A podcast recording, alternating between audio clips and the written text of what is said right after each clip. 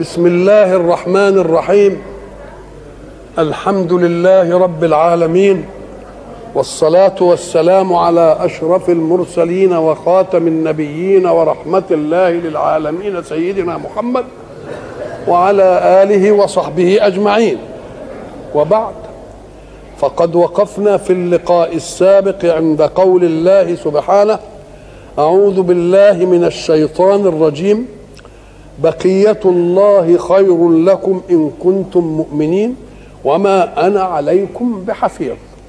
بل يجب أن يكون كل واحد رقيبا على نفسه لأنه ليس عندي من المكنة ما أراقبكم به. لماذا يكون عن نفسه لأن الله فوقكم رقيب لا تخفى عليه خافية. قالوا رد بقى عليه. وطلب منهم أشياء. اعبدوا الله ما لكم من إله غيره. وبعدين لا تنقصوا المكيال والميزان. أنتم بخير. وبعد ذلك برضو أوفوا الكيل والميزان. وبقية الله خير لكم. وكل دي كلامه هو. بقي الرد منهم على هذا الكلام. قالوا يا شعيب أصلاتك تأمرك؟ أن نترك ما يعبد آباؤنا. لأنهم بيقولوا اعبدوا الله ما لكم من إله غيره. كان يقولوا أدينك يأمرك أو إلهك يأمرك أن نترك ما يعبد إيه؟ آباؤنا. إنما قالوا أصلاتك. لماذا؟ قال لك لأن إحنا بني الأركان الإسلام على كم؟ على خمسة. أولها شهادة أن لا إله إلا الله وأن محمدا رسول الله. وهذه يكفي أن تقال مرة واحدة. وبعد ذلك إقام الصلاة. وبعد ذلك إيتاء الزكاة. بعد ذلك صوم رمضان. بعد ذلك حج البيت. فإذا نظرت إلى الركن الأول يقال مرة واحدة. والزكاة إنما توجد من من من الواجد. فهب أنه لا مال عنده. يبقى الزكاة إيه؟ طب صائم مسافر أو مريض. يبقى إيه حاج ما عندوش استطاعة. الله. يبقى الزكاة قد تسقط. والصيام قد يسقط. والحج قد يسقط. وأشهد أن لا إله إلا الله مرة واحدة في العمر. يبقى ماذا بقي من أركان الدين لا يسقط أبدا؟ إنها الصلاة. إنها إيه؟ الصلاة. ولذلك قال لك هي عماد الدين. من أقامها فقد أقام. واللي يتركها يبقى ترك إيه؟ يبقى ترك الدين.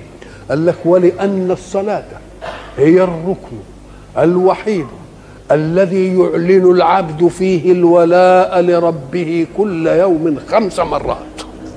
دوام الولاء لله خمس مرات. ولا تسقط ابدا عن أي إنسان. يصلي قائما فإن عجز صلى قاعدا فإن عجز صلى مضطجعا فإن عجز عن الحركة صلى برمش عينيه فإن عجز عن رمش صلى بخطور الصلاة على قلبه. الله تسقطش ابدا. حتى في حالة الحرب. مسيفه وهم بيسيفوا برضه صلوا صلاة الإيه؟ صلاة الخوف. الله تسقطش ابدا. اذا هي العمدة. فقالوا جابوا جابوا عمدة الدين وقالوا أصلاتك إيه؟ ولأن الصلاة هي الركن الذي لا يسقط ابدا ويكرر في اليوم خمس مرات. أعطاها الله من الأهمية في التشريع. ما يناسب هذا. كل تكليفات الإسلام جاءت بوحي من الله. جبريل يجيب الله إلا الصلاة. استدعى الله نبيه ليكلفه بالصلاة. ده مسألة لها أهمية. وإحنا كبشر ولله المثل الأعلى إذا كان فيه رئيس والرئيس عنده قضية يعني عادية بتمشي روتيني الورق ويبعته للمختص ويمشي البوسطة ويستلمهم ويروحهم ويمكن تضيع. طيب. طب فإذا كانت المسألة مهمة شوية يقوم يعمل كده ويقول له إيه تليفون يقول له يا سي فلان جاي لك ومعاملة صفتها كده وكده يعني يعني إيه تهمها شوية. فإن كانت حاجة مهمة قوي جاية من عالي قوي يقول له تعالى عندي أحسن أنا عايزك. خد المهمة دي وشوف الله. يبقى اذا التكليف وأحواله وظروفه تناسب أهمية الإيه؟ المكلف به عند المكلف. كل الأشياء من التكليف ثبتت بالوحي. إنما دي استدعى الله. وبعد ذلك ما دام هي ما بنستغناش عنها ابدا لازم تاخد برضه من الأهمية. أنت مش الركن الأول بتقول أشهد أن لا إله إلا الله ويكفي أن تقوله مرة؟ لا في الصلاة هتقوله كم مرة؟ يبقى هي فيها الركن الأول. بيتكرر. طيب الزكاة بتعمل إيه؟ بتضحي ببعض إيه؟ مالك. مالك اللي أنت جايبه من إيه مش مولود بيه من عملك. العمل فرع الوقت انت ضحيت في الصلاة بالوقت نفسه. مش ضحيت بما يأتي به الوقت من مال ونأخذ بعضه لا بالوقت نفسه. يبقى أوسع من أوسع دائرة من الزكاة ولا مش أوسع؟ طب والصيام؟ أنت تصوم عن شهوتي البطن والفرج. إنما بتعمل إيه؟ بتتكلم وتجري وتضحك وتعمل. طب في الصلاة بتصوم عن شهوتي البطن والفرج زي الصوم وتصوم أكثر زيادة عن أشياء مباحة لك في الصيام. تبقى إيه؟ تبقى خدت برضه الصيام. طب والحج؟ أم قال لك الله ده أنت في كل صلاة بتتحرى أن تتوجه إلى بيت ربك. يبقى جمعت كلها ولا ما جمعتش؟ يبقى إذا الصلاة هي الإيه؟ الركن الإيه؟ فقالوا أصلاتك تأمرك. هنا بقى فاهمين إنهم بيتهكموا. هي الصلاة بتأمر. نقول له إيه والصلاة بتأمر؟ لأن إذا ثبت لشيء حكم يثبت له مقابله. والله يقول إن الصلاة تنهى عن الفحشاء والمنكر. يبقى ما دام لها نهي يبقى لها إيه؟ يبقى لها أمر. يقول لك يا شيخ عبد أنت لسه جاي من عم بين يدي الله. اعمل الشيء الفلاني اعمل. الله. يبقى اللي له أمر له إيه؟ ولذلك كثير من الناس يغفلون عن التقابل في الجهات والتقابل في الجهات بيحل مشاكل متعددة. ياخد جهة ويسيب إيه؟ ويسيب جهة. يقول لا ما دام الصلاة بتنهى عن الفحشاء والمنكر يبقى بتأمر بالإيه؟ بالخير والإيه؟ والبر. مثلا نقرأ في القرآن. حينما يتكلم الحق سبحانه عن قوم فرعون. كم؟ إيه تركوا من جنات إيه؟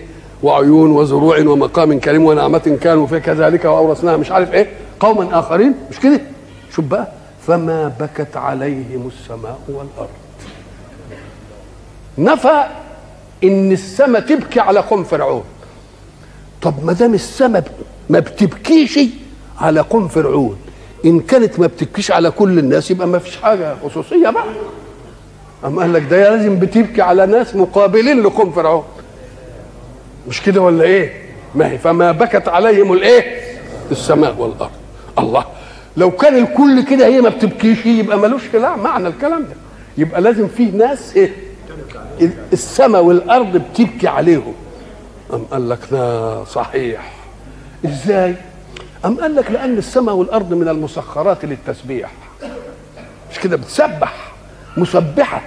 مش مش قال إيه؟ إن عرضنا الأمانة على السماوات والأرض فأبين أن يحملناها. قالوا لا لا لا ما تعملناش مختارين. خلينا مقهورين على العبادة.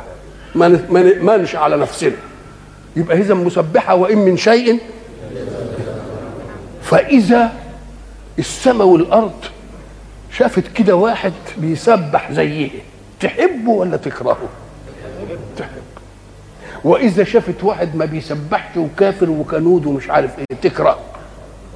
لما اللي تحبه يفارق الحياة. تزعل عليه ولا ما تزعلش؟ طب واللي بتكرهه يفارق الحياة؟ تفرح له ولا تبكيش. يبقى إذا ما دامت السماوات والأرض لم تبكي على قوم فرعون يبقوا دول ضالين. هات المقابلين المهديين تبقى السماء إيه؟ ولذلك حل الإمام علي رضوان الله عليه وكرم الله وجه هذه المسألة.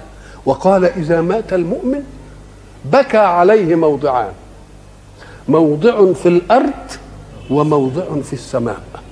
أما موضعه في الأرض فمصلاه. الحتة اللي كان بيصلي فيه ملائكة المكان والأرض تتحرم من إن واحد كان بيصلي هنا. تقوم تزعل عشان أما موضعه في السماء فمصعد عمله. الحتة اللي كان بيصعد منها عمله ما عنتش حد إيه؟ هيهب فيها رائحة العمل الإيه؟ العمل الصالح. يبقى اذا أصلاتك تأمرك. قل له إيه وصلاتي تأمرني. فإن أردت بالصلاة الدين وهي رمز الدين لأن الدين بيأمرني إنني ما قلدش في عبادتي ما قلدش آبائي ما قلدش الناس اللي كانوا سابقني في ضلال. بل آخذ المسألة بحكم العقل وأقعد أقارنها لأن إيمان المقلد ما ينفعش. أصلاتك تأمره أن نترك ما يعبد آباؤنا؟ أدي واحدة تعبد الله ما لكم من إله غير رد عليه. وبعدين لا تنقصوا وأوفوا الكيل والبتاع. أو أن نفعل في أموالنا. يبقوا جابوا الحتة الثانية بقى الأمرين الأمر الأول اعبدوا الله ما لكم من إله إيه؟ وبعدين تكلم بقى في نقص الكيل والميزان وأوفوا الكيل والميزان وبقية الله خير لكم ولا تبخسوا الناس ولا تعثوا في الأرض مفسدين. يبقى قالوا له سيبنا نفعل في أموالنا ما إيه؟ نقول لهم برضو أنتم أغبياء. لأنكم أنتم إن أبحنا لكم. أن تفعلوا في أموالكم ما تشاءون وما تريدون فسنبيح لغيركم أن يفعل في أمواله إيه؟ ما يشاء وما يريد. تصطدم المصالح ولا ما تصطدمش؟ وتبقوا أنتوا خسرتوا أكثر من المكسب ولا لأ؟ تفطنوا إلى بقية بقية الله خير لكم. أصلاتك تأمرك ودي تهكم بقى, بقى هي الصلاة يا سيدي اللي أمرتك إنك أنت ت... يصل لي. ما هو معناها كده. في امرار يقال الحكم بحق ويراد به التهكم. ويراد به إيه؟ التهكم. طب المنافقين؟ والكفار كانوا بيعتقدوا إن محمد رسول الله؟ لا. طب قالوا إيه؟ أعوذ بالله من الشيطان الرجيم. بسم الله الرحمن الرحيم. إذا جاءك المنافقون قالوا إيه؟ نشهد إيه؟ إنك لرسول الله. والله إيه؟ يعلم أنك لرسوله. الله يبقوا اتفقوا. بقى هم بيشهدوا إنه إيه؟ طب وربنا يعلم إنه هو إيه؟ رسول. وبعدين يقول والله يشهد إن المنافقين لكاذبون. كاذبون في إيه؟ ده هم بيقولوا إنك رسول الله. يبقوا كذبوا في إيه؟ ده هي صد ده أنت بتقول أنا أعلم أنه رسول. وما دام كلامهم وافق علمك تبقى تقول عليهم كذابين؟ اللي بيعمل عايز ينقد في القرآن يقول لك القرآن عمال بي إيه؟ بيتعارض. طب ده هو بيقول إن هم قالوا إنك إيه؟ رسول الله. وربنا قال الله يعلمه طب إيه بتكذبهم ليه؟ الله يشهد إن المنافقين لكاذبون. في إيه؟ تقول له يا غبي لأنك لم تأخذ القرآن ملكة. بالملكة العربية. أكذبهم في المقول أم في القول؟ المقول إنك لرسول الله. إنما هم قالوا إنك ولا قالوا نشهد ان لو كذابين في الشهادة. يبقى الكذب جاي في مين؟ مش في المقول وهو إنك لرسول الله؟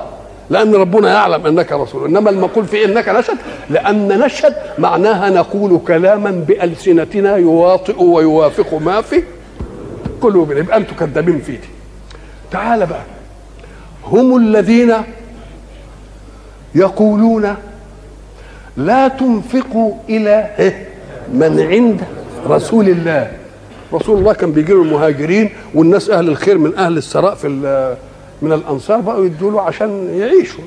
من المؤاخاه إياه. فقالوا لا تنفقوا على من عند رسول الله حتى إيه؟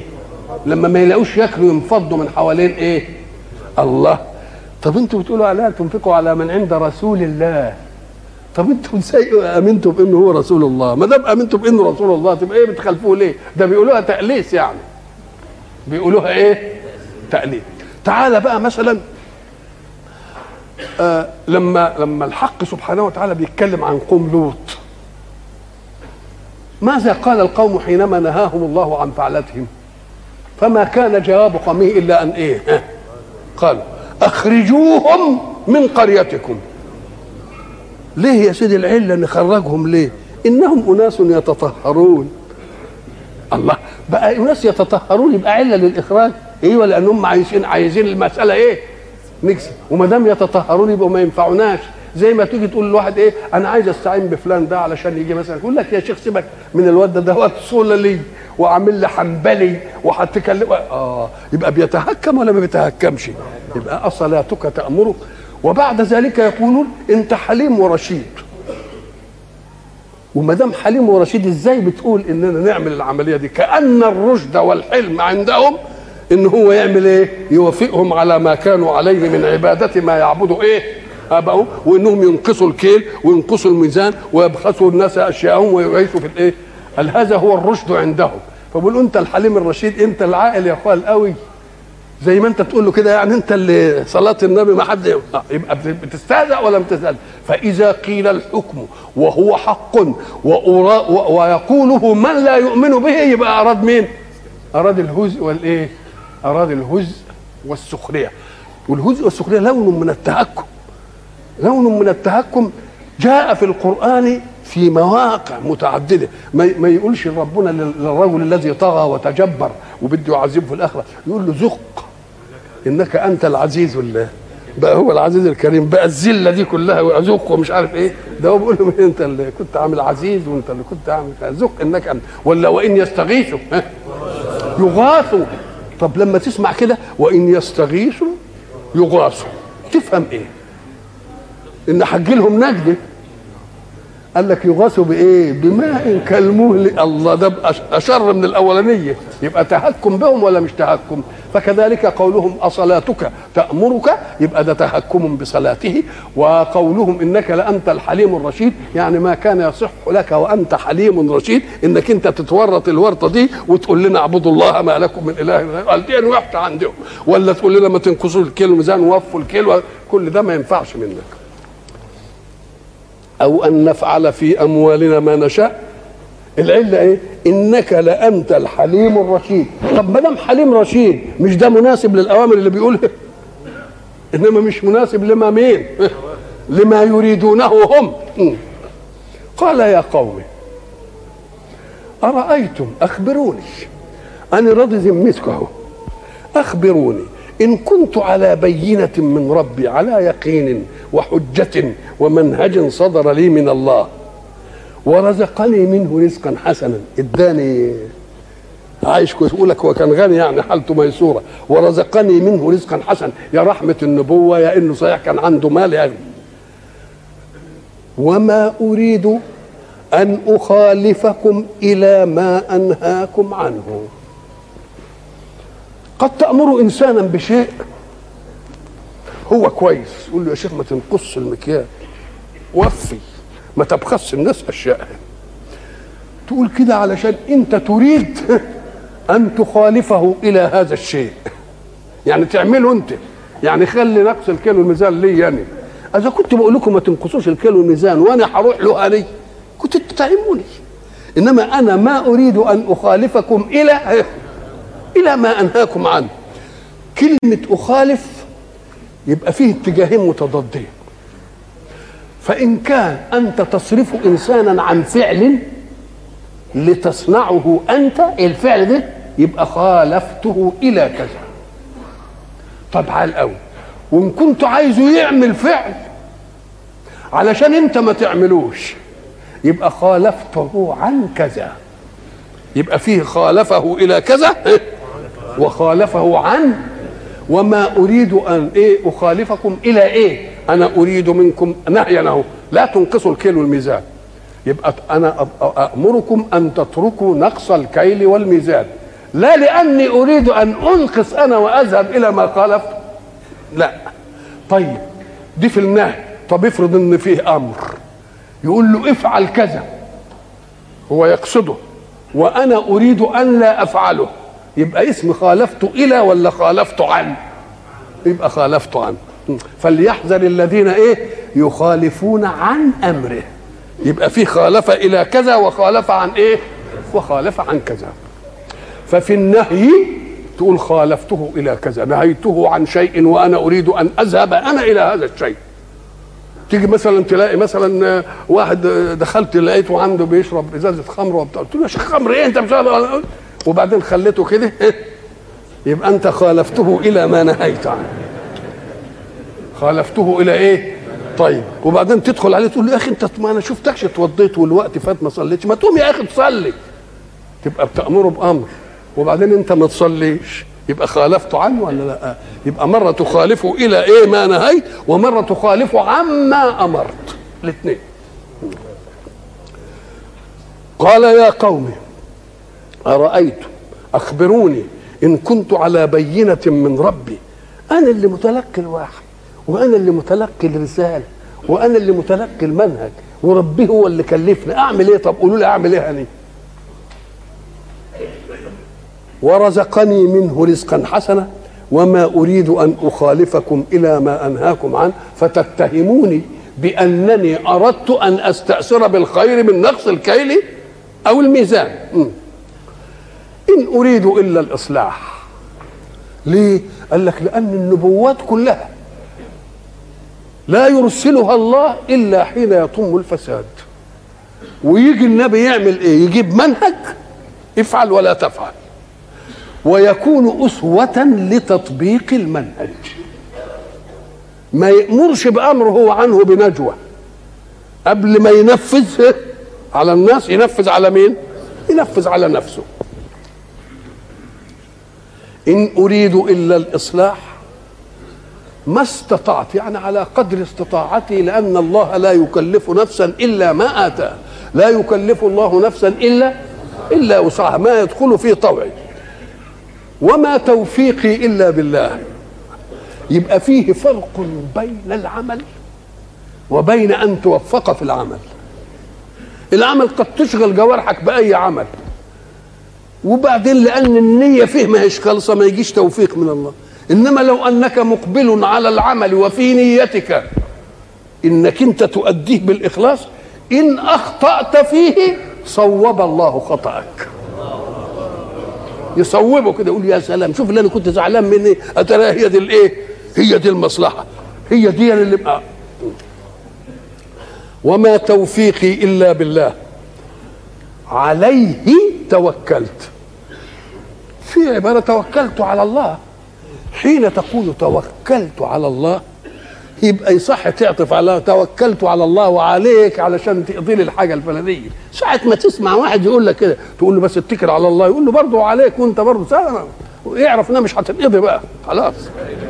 يحكم كده مع رسول إنما إن إن رضي بالتوكل على الله لازم ربنا يقضي له حاجته. زي ما يجي واحد في المسجد ويخليك داخل للصلاة مثلا عشان تصلي ولا عشان تعبد ربنا في حاجة ولا بتاع وبعدين يكلمك في شغلة من شغل الدنيا. ساعة ما يكلمك واحد في شغل من شغل الدنيا قل بملء فيك ولا تخشى أن يكذبك الواقع. قل له إن شاء الله الحكاية دي مش نافعة. على طول كده. النبي قال لي لنشد الضل لا رد الله عليك ضلعا.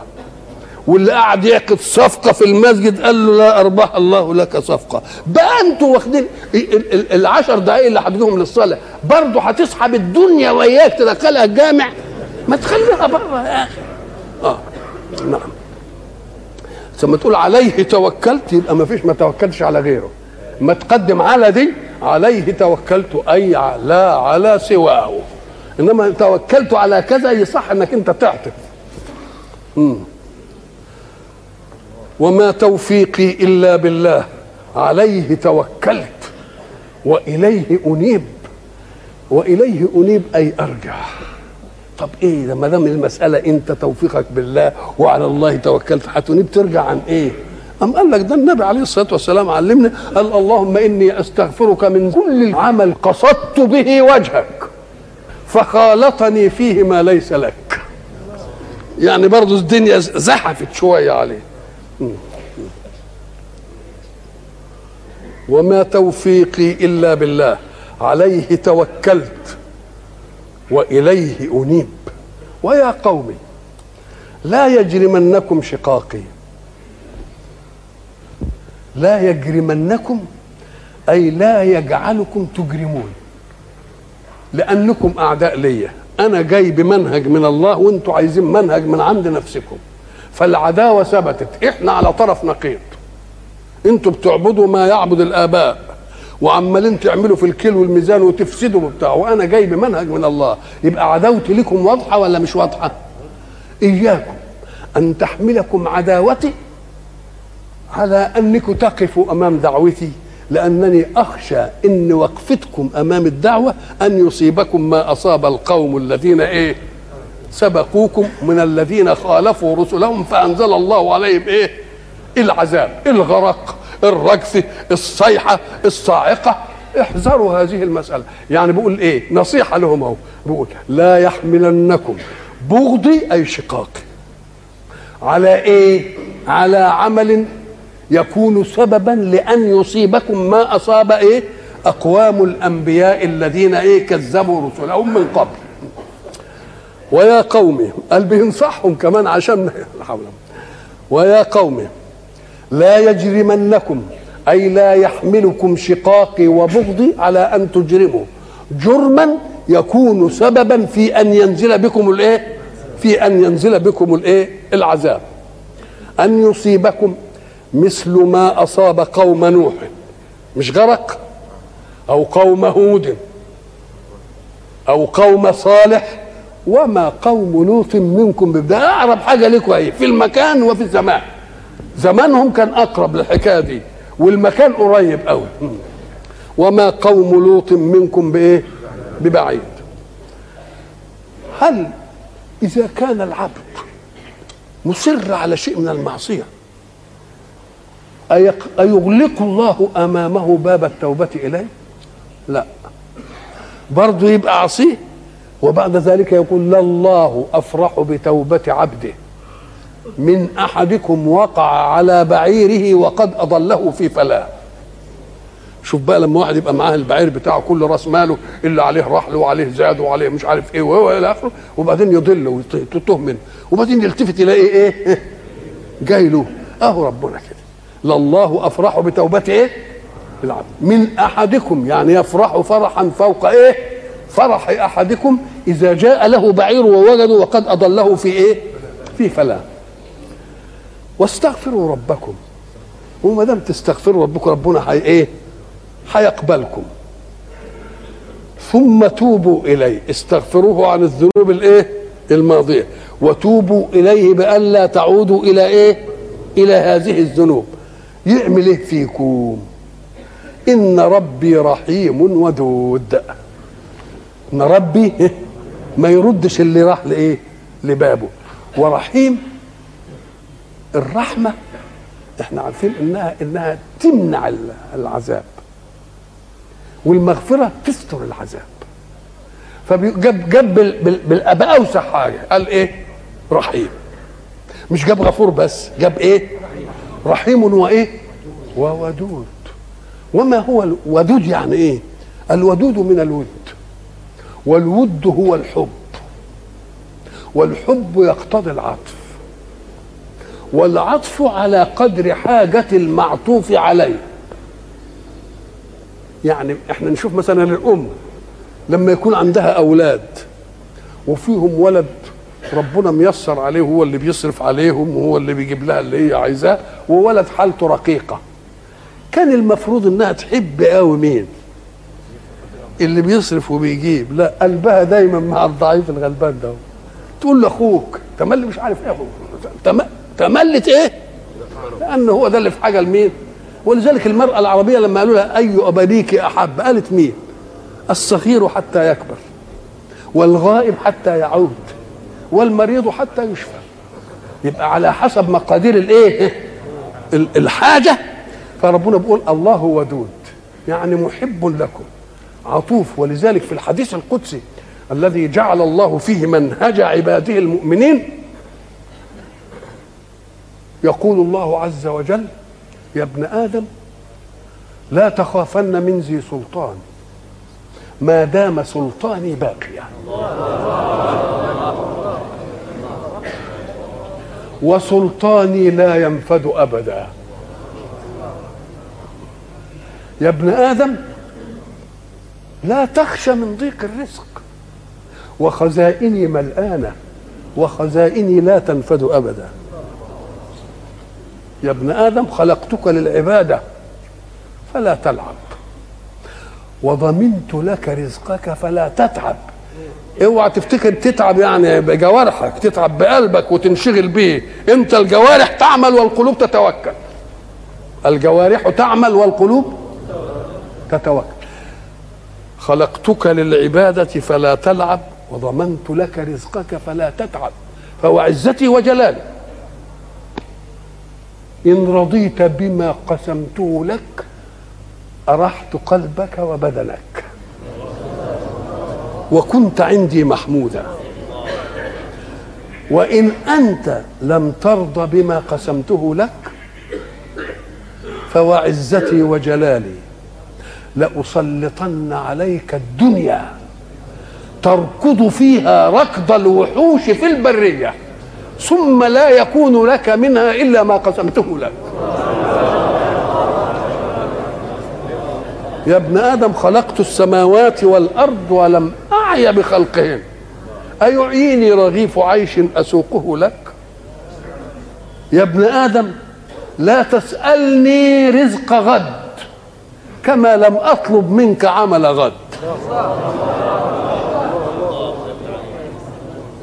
يا ابن آدم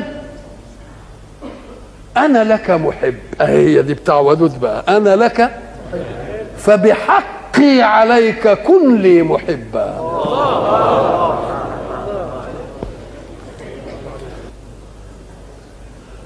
ثم توبوا إليه. إن ربي رحيم. ودود. قالوا يا شعيب ما نفقه كثيرا مما تقول. ليه ما نفقهوش؟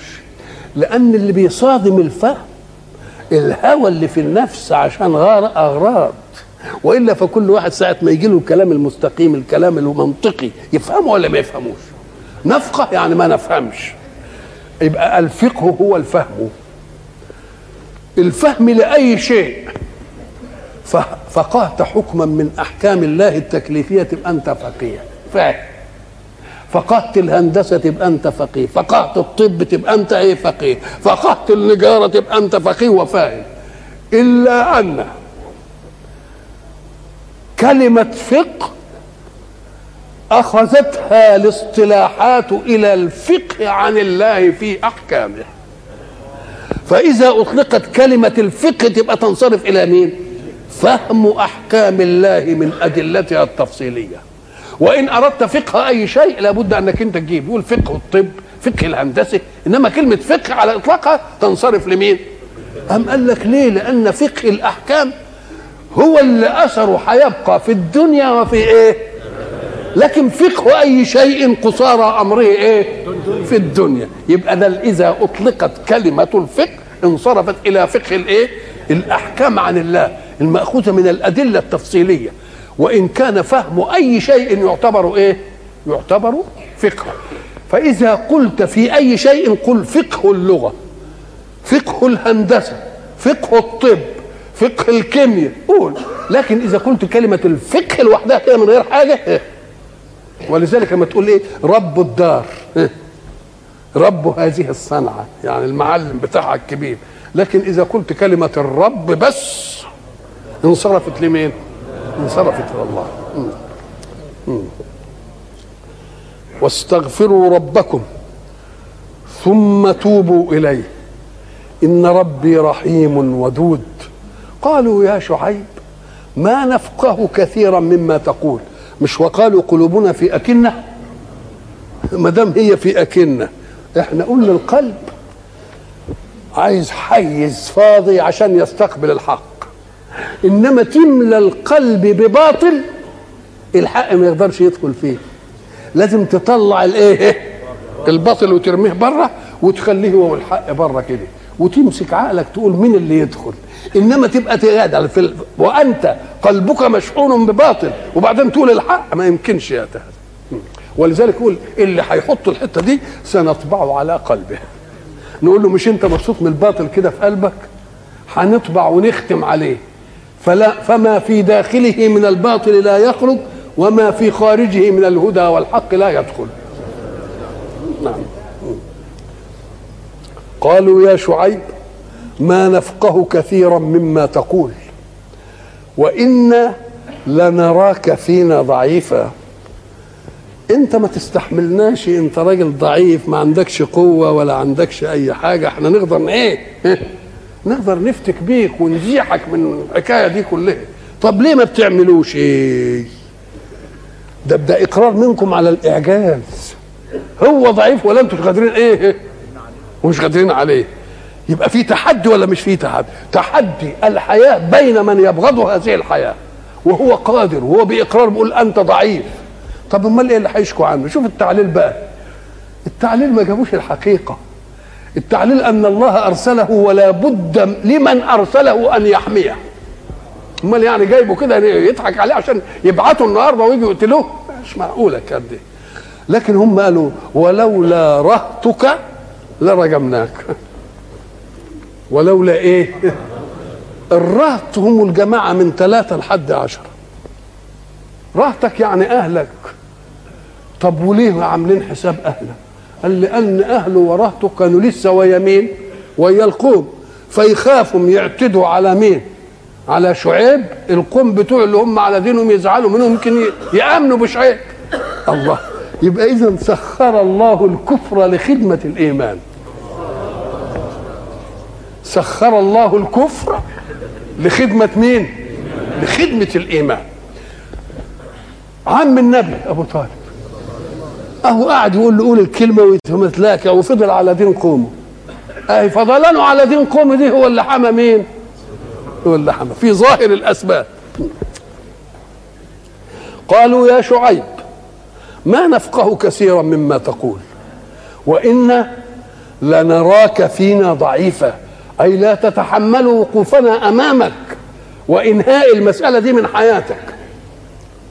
ولولا رهتك لرجمناك. وما أنت علينا بعزيز يعني أنت ما تعزش علينا ما تمتنعش علينا يعني نجيبك في أي وقت. قال يا قومي أراطي أعز عليكم من الله؟ طب أنتوا عاملين حساب مين؟ راطي بقى راطي حطيتوه في كفه بتخافوا من راطي ولا تخافوش من الله؟ تبقى إذا وازنتم بين راطي وبين الله يبقى أنتوا فيكم خير؟ يبقى ما فيكوش خير. قال يا قوم أرهطي أعز عليكم من الله؟ مع أن كان المفروض ما دام قال ولولا رهتك لرجمناك يخليه ما يتناولش. رهته بحاجة بقى ويقول له رهته هم اللي قال لك لا رهته إيه؟ هو من ده هو قال على الله إيه؟ توكلت.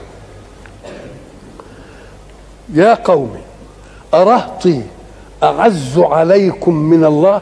يعني عملتم خاطر لرهطي أنا ولا عملتوش اعتبار لإلهكم. ده العزة جاية من مين؟ من الله. أرهطي أعز عليكم من الله واتخذتموه وراءكم ظهريا. أنت ساعة ما تقول إيه؟ أنت طارحني ورا ظهرك. يعني إيه؟ ما أنتش جاعلني كده أمامك في الصورة. فبيقول لهم أنتوا خلاص ربنا حطيتوه ورا إيه؟ ورا ظهوركم. يعني ما انتوش تأبهوا بعزة الله وما انتوش تأبهوا بحماية الله ما انتوش تأبهوا بوجود الله وتأبهوا بوجود الخلق دول. أرهطي أعز عليكم من الله واتخذتموه وراءكم ظهريا النسبة لمين؟ للظهر. لكن ما قالش ظاهريا نسبة للظهر. في حاجة اسمها يسمونها تغييرات النسب. تغييرات النسب. يقول لك مثلا يمن يمني. يقول لك يماني. دي من ضمن. يقول لك مثلا النسبة إلى الري. يقول لك رازي. الله. يبقى إذا فيه تغييرات في الإيه؟ ساعة ما نجيب النسب. واتخذتموه وراءكم ظهريا إن ربي بما تعملون محيط. يعني كل حاجة محسوبة إيه؟ عليكم. ليه؟ لأن زي ما قلنا لا تخفى عليه إيه؟ خافية وربنا مش هينساكم أنكم جعلتم خل... بعض خلقه أو رهط من خلقه أعز من من من الله عندكم إن ربي بما تعملون محيط إحنا قلنا فيه عمل وفيه فعل العمل مطلق حدث. أي حدث يقال له إيه؟ عمل. لكن الجوارح التي تعمل كثيرة. فخص اللسان بأن يقول. وأخذت الجوارح كلها أن تفعل. يبقى القول هو عن إيه؟ عمل مين؟ عمل اللسان. والفعل.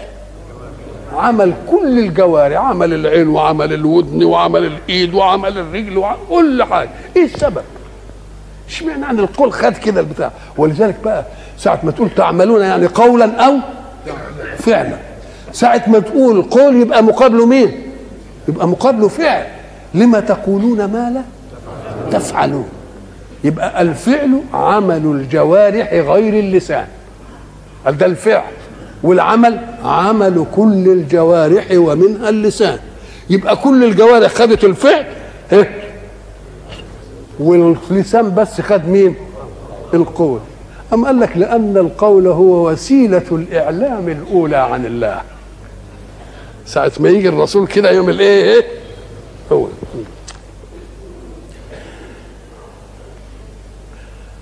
ويا قوم اعملوا على مكانتكم. الله. ابتدى يهدد بقى. ابتدى إيه؟ يهدد. ليه؟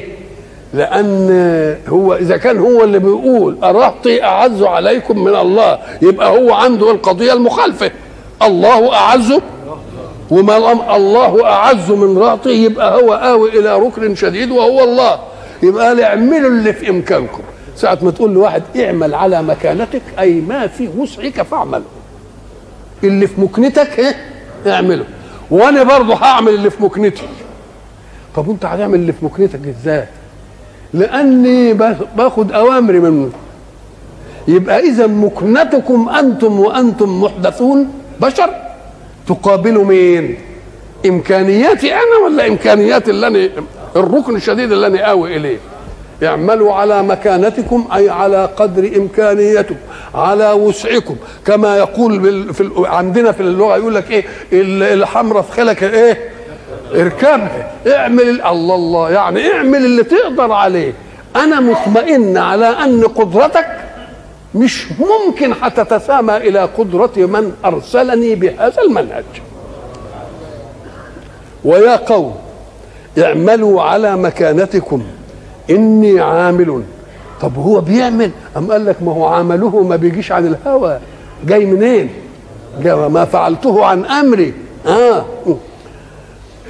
سوف تعلمون من يأتيه عذاب يخزيه.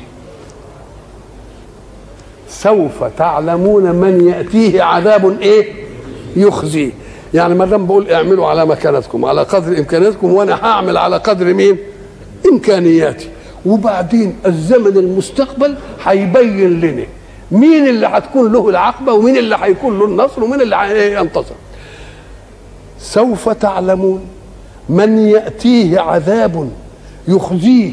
الخزي فضيحة بين الخلق وهوان في ذات النفس. يبقى خزيان في نفسه ما كانش حد شايفه. يبقى عنده هوان في نفسه. ولما يطلع للناس يبقى فيه فضيحة. من يأتيه عذاب يخزيه. ومن هو؟ كاذب. من يأتيه عذاب يخزيه. طب ما هم اللي هيجي لهم عذاب يخزيه. ومن هو كاذب ولا كان الأصول ومن هو صادق؟ مش كده كان الأصول كده؟ سوف تعلمون من يأتيه عذاب إيه؟ يخزيه اللي هو هم. ومن هو إيه؟ ومن هو صادق. أم قال ومن هو كذب على على كلامكم؟ هتبقوا نشوفوا بقى كده سوف تعلمون